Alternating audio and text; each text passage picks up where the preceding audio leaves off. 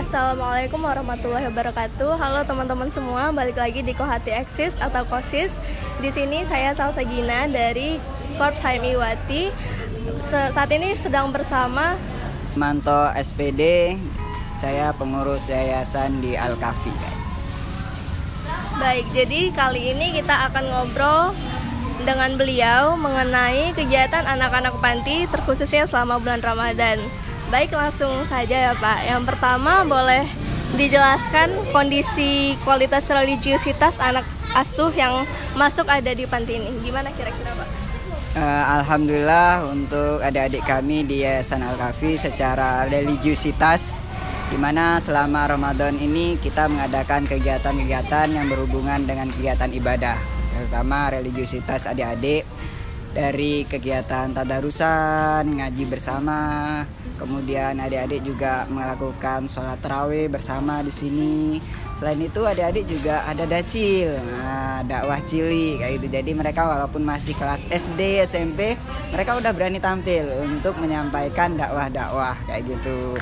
Alhamdulillah untuk Ramadan pertengahan kemarin udah hatam satu kali untuk ngajinya.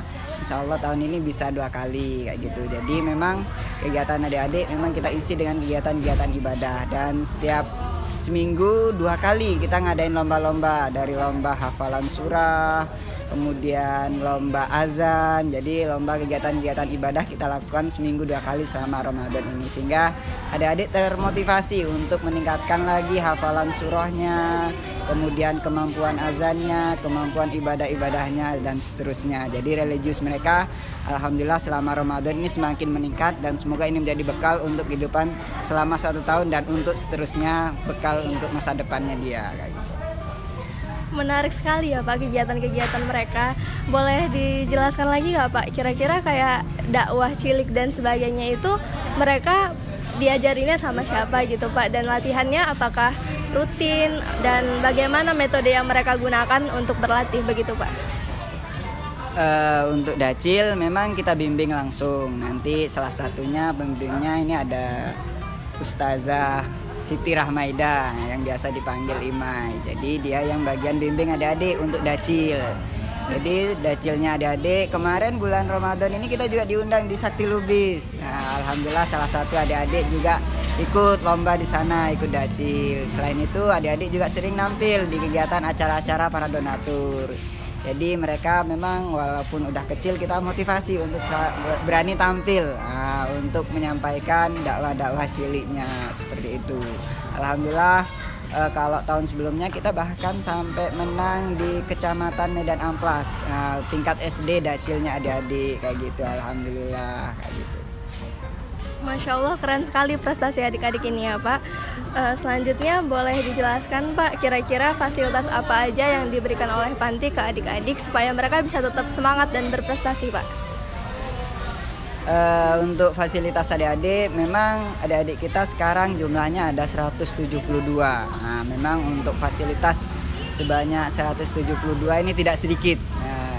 Jelas setiap bulan kita butuh biaya yang cukup besar. Kita bayangin aja punya anak lima orang aja di rumah biayanya berapa untuk makan, untuk SPP dan sebagainya.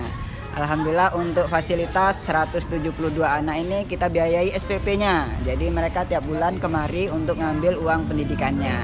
Mereka sekolah semuanya di luar. Ada yang sekolah di Alwaslia, SD Negeri 12, SD Negeri 85, SD Negeri 24, 34. Nah, jadi mereka sekolah masing-masing dan untuk SPP-nya tiap bulan kita rutin memberikan kepada mereka. Selain itu fasilitasnya juga kita untuk konsumsi kita tanggung semua. Jadi kita ngasih sembako tiap bulan. Untuk adik-adik yang tinggal di sini langsung kita masakkan untuk konsumsinya sehari tiga kali. Kalau Ramadan jelas sehari dua kali ya, untuk buka puasa dan sahurnya. Jadi adik-adik di sini untuk yang tinggal. Selain itu, selain uang SPP, sembako konsumsi, kita juga untuk seragamnya mereka seragam sekolah, kemudian buku. Jadi semuanya kita tanggung semua. Bahkan untuk tas-tas mereka, untuk kebutuhan mereka sehari-hari kita penuhi. Selain itu untuk yang tinggal jelas kita kasih lemari, kita kasih kasur masing-masing satu anak kayak gitu. Jadi alhamdulillah berkat para donatur lah adik-adik sehingga memiliki uh, pendidikan untuk masa depannya, bisa mengaji. Alhamdulillah untuk ngajinya mereka bulan Februari 2022 ini. Kemarin juara tiga di Kecamatan Medan Amplas juga. Alhamdulillah kayak gitu. Kemarin Zio tampil. Jadi kemarin di Kecamatan Medan Amplas ini panggil tiap kelurahan perwakilan. Nah untuk kelurahan kita kemarin Kepling udahlah Alkafi aja yang yang maju kayak gitu. Alhamdulillah kemarin juara tiga untuk di Kecamatan Medan Amplas untuk ngajinya ada di MTQ-nya seperti itu Alhamdulillah luar biasa sekali ya Pak prestasi mereka selanjutnya untuk bisa mengetahui perkembangan mereka tuh gimana ya Pak? Ada nggak cara khusus dari pengasuhnya untuk tahu kira-kira udah seberapa jauh anak-anak ini perkembangannya gitu Pak? E, kalau untuk perkembangan kita memang yang kita untuk akademis kita serahkan sama sekolah kayak gitu. Jadi karena kan e, sekolahnya ada adik masing-masing. Nah seperti yang saya jelaskan tadi. Jadi mereka nggak di satu sekolah tapi di beberapa sekolah. Untuk akademis memang kita serahkan sama sekolah. Di Yayasan Al-Kafi apa yang kita update perkembangannya? Di Al-Kafi nanti kita ada kegiatan les yang seperti kita lihat bersama ini. Jadi untuk itu kita bimbingnya di sini kegiatan agamanya. Jadi agamanya ada adik kita tambah lagi di sini. Kemudian untuk ngaji tadarusan bersama juga kita bimbing juga ada adik di sini. Jadi sama yang terpenting di sini adalah moralitasnya. Jadi dua poin itu. Jadi untuk agama dan moralitas yang kita tekankan di Yayasan Al-Kahfi ini. Memang kita nggak mengharapkan adik-adik kita itu prestasi di akademis tapi moralnya buruk. Nah, kita nggak berharap seperti itu. Memang kita harapkan mereka ini besarnya nanti menjadi orang-orang yang baik, orang-orang yang bisa berguna bagi nusa, bangsa dan masyarakatnya. Seperti itu harapannya kita. Sehingga kita lebih menekankan pada moralitasnya mereka. Mungkin sebelum masuk kemari, tahulah kita daerah Medan bahasanya bagaimana kadang ada yang cakap kotor ah, dan sebagainya. Sehingga ketika adik-adik masuk di sini mereka harus ya nggak boleh cakap kotor. Kemudian sopan santunnya harus dijaga. Nah, jadi etika-etika Islami memang kita tekankan di sini. Sehingga kalau yang udah lama kadang ngingetin yang kecil-kecil eh nggak boleh ngomong gitu kalau anak al-kahfi. Nah, sehingga di sini kita memang tekankan pada moralitasnya. Sehingga harapannya mereka menjadi anak yang berbudi dan punya moralitas yang tinggi seperti itu. Baik, kalau dari hubungan pengasuh ke santri sendiri bagaimana ya Pak? Dan kira-kira pola asuh apa yang diterapkan selama ini dari pengasuh kepada santrinya? Uh, kalau untuk pola asuh santri-santri kita sebenarnya karena ini kan adik-adik sebagian tinggal di sini. Kalau untuk yang tinggal di sini, kalau sistem hubungannya ada seperti orang tua sama anak walaupun pengasuh kita rata-rata masih muda masih muda-muda dan sebagainya. Tapi memang kita harapannya adalah hubungannya adalah seperti keluarga seperti itu. Seperti orang tua dan anak untuk adik-adik yang tinggal di sini. Tapi untuk adik-adik yang masih sama familinya tetap kita misalnya anak yatim. Kalau anak yatim kan yang meninggal ayahnya mereka masih punya mama.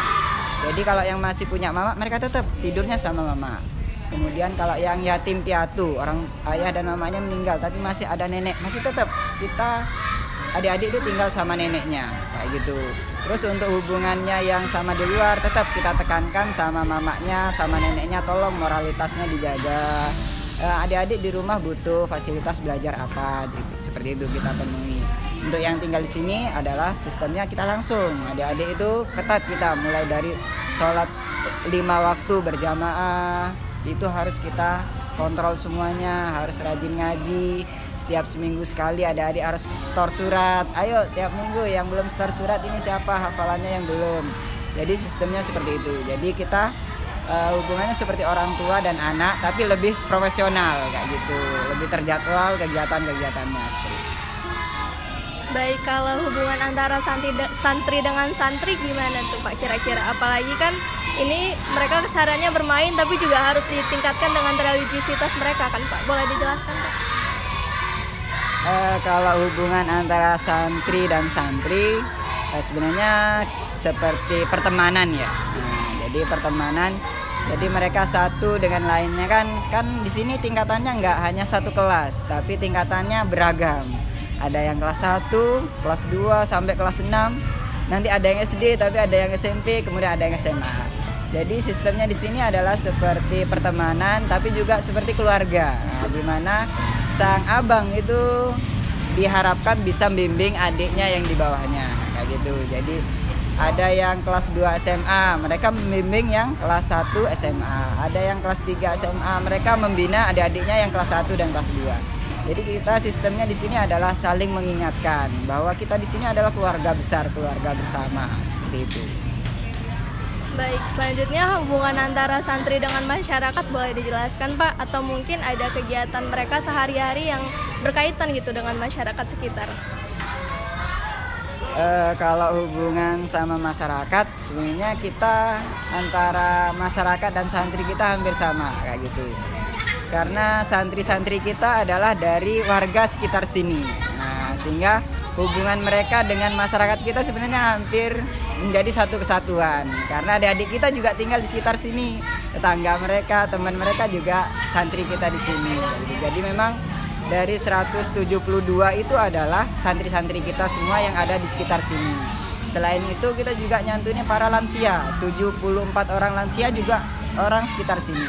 Sehingga hubungan mereka dengan masyarakat di sini sangat terkait sekali. Adik-adik juga kadang nyiapin sembako, bung, nimbang beras, bungkus beras. Untuk siapa? Untuk masyarakat sekitar sini. Karena 172 orang itu adalah warga sekitar sini, kemudian 74 lansia juga warga sekitar sini. Sehingga adik-adik membantu mereka untuk menyiapkan sembakonya yang akan dibagi tiap bulannya. Seperti itu. Nah ini kebetulan karena lagi bulan Ramadan Pak, ada nggak e, kegiatan dari adik-adik ini atau perayaan atau budaya khusus dari pantinya sendiri selama bulan Ramadan dan yang berkaitan dengan kegiatan adik-adik ini Pak? Uh, kalau setiap Ramadan memang sebelum masuk Ramadan adik-adik bikin hiasan. Nah, nampaklah ini hiasan kita ada yang bikin bintang-bintang, ada yang bikin bulan, ada yang bikin gambar-gambar. Jadi adik-adik bikin hiasan-hiasan untuk memeriahkan uh, bulan Ramadan ini. Memang sebelum beberapa sebelum mulai Ramadan adik-adik senang, Kak, bentar lagi Ramadan kita. Jadi mereka menyiapkan dengan berbagai persiapan setelah Ramadan mereka juga semangat untuk kegiatan tadarusan, kegiatan ngaji, kegiatan buka bersama kayak gitu. Jadi memang bulan Ramadan ini sangat dinantikan bagi oleh mereka semua seperti itu. Baik, terima kasih Pak. Penjelasannya baik sekali. Eh, terakhir Pak, mungkin ada closing statement dari Bapak. Pernyataan penutup gitu Pak, kira-kira. Closing statement. Uh, intinya kami mengucapkan banyak terima kasih kepada kakak-kakak, abang-abang yang udah hadir kemari untuk berbagi bersama dengan adik-adik di Yayasan Al-Kahfi. Semoga ini semua menjadi bekal bagi adik-adik, tambahan ilmu juga dan bantuan ini semoga berkah-berkah semuanya dan kita doakan semoga kegiatan abang-abang kakak-kakak lancar semua dan kegiatan Al-Kafi ini bisa berjalan juga berkat para dermawan-dermawan yang hadir pada hari ini. Uh, intinya kami mohon maaf apabila ada salah kata, salah sila, kami mohon maaf yang sebesar-besarnya.